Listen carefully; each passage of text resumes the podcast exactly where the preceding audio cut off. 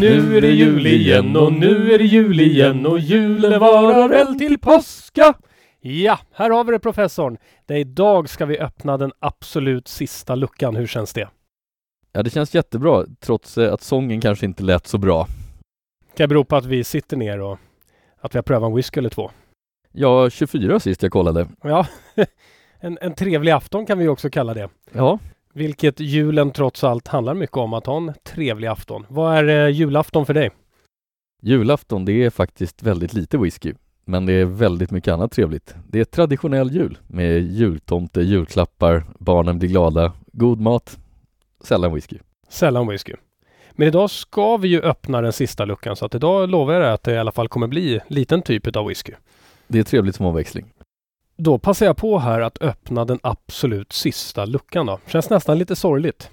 Men sen Ja. ska vi vila till det nya året då, som man säger. Och vi kommer naturligtvis komma med en julkalender nästa år igen.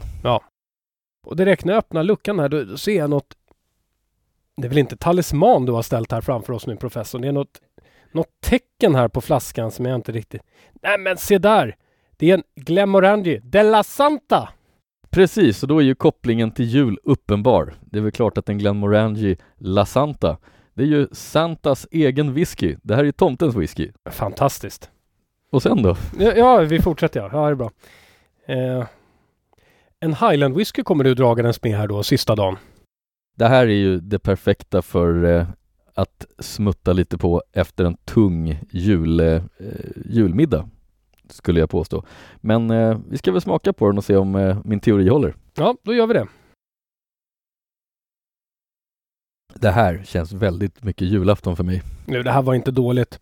En 12-årig rackare, lagrad eh, extra länge i sherry cask, står det här i alla fall på flaskan. Det märks. Eh, man behöver inte säga så mycket mer än att vilken god jul jag just nu känner. Och traditionell är den också för att det här, den här whiskyn känns väldigt traditionell.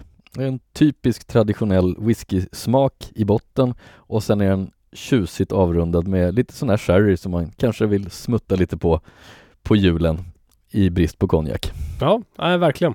Lite intressant dock att eh, flaskan, den känns nästan lite orientalisk. Men det är klart, jag menar, jag vet inte heller varifrån jultomten kommer. Det tvistas ju allt från Finland och Ryssland och i det här fallet då De La Santa, alltså Spanien. Vi kan ju säga att han kommer från Glenmorangie. Det kan vi verkligen säga. Och det är inte dåligt med tanke på julafton.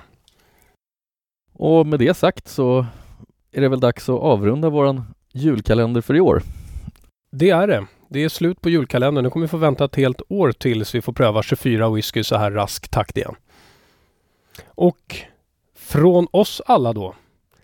Till er alla så vill vi tacka för det här fantastiska året. Det har varit jätte, jätteroligt. Det är jättekul att så många lyssnar på oss och tycker att vårt program är bra där ute. Och vi hoppas att ni har en otroligt trevlig julafton med nära och kära och att vi syns lagom till årskrönikan. Mm. Så god jul till alla er lyssnare. Och skål till dig professorn! Skål doktorn!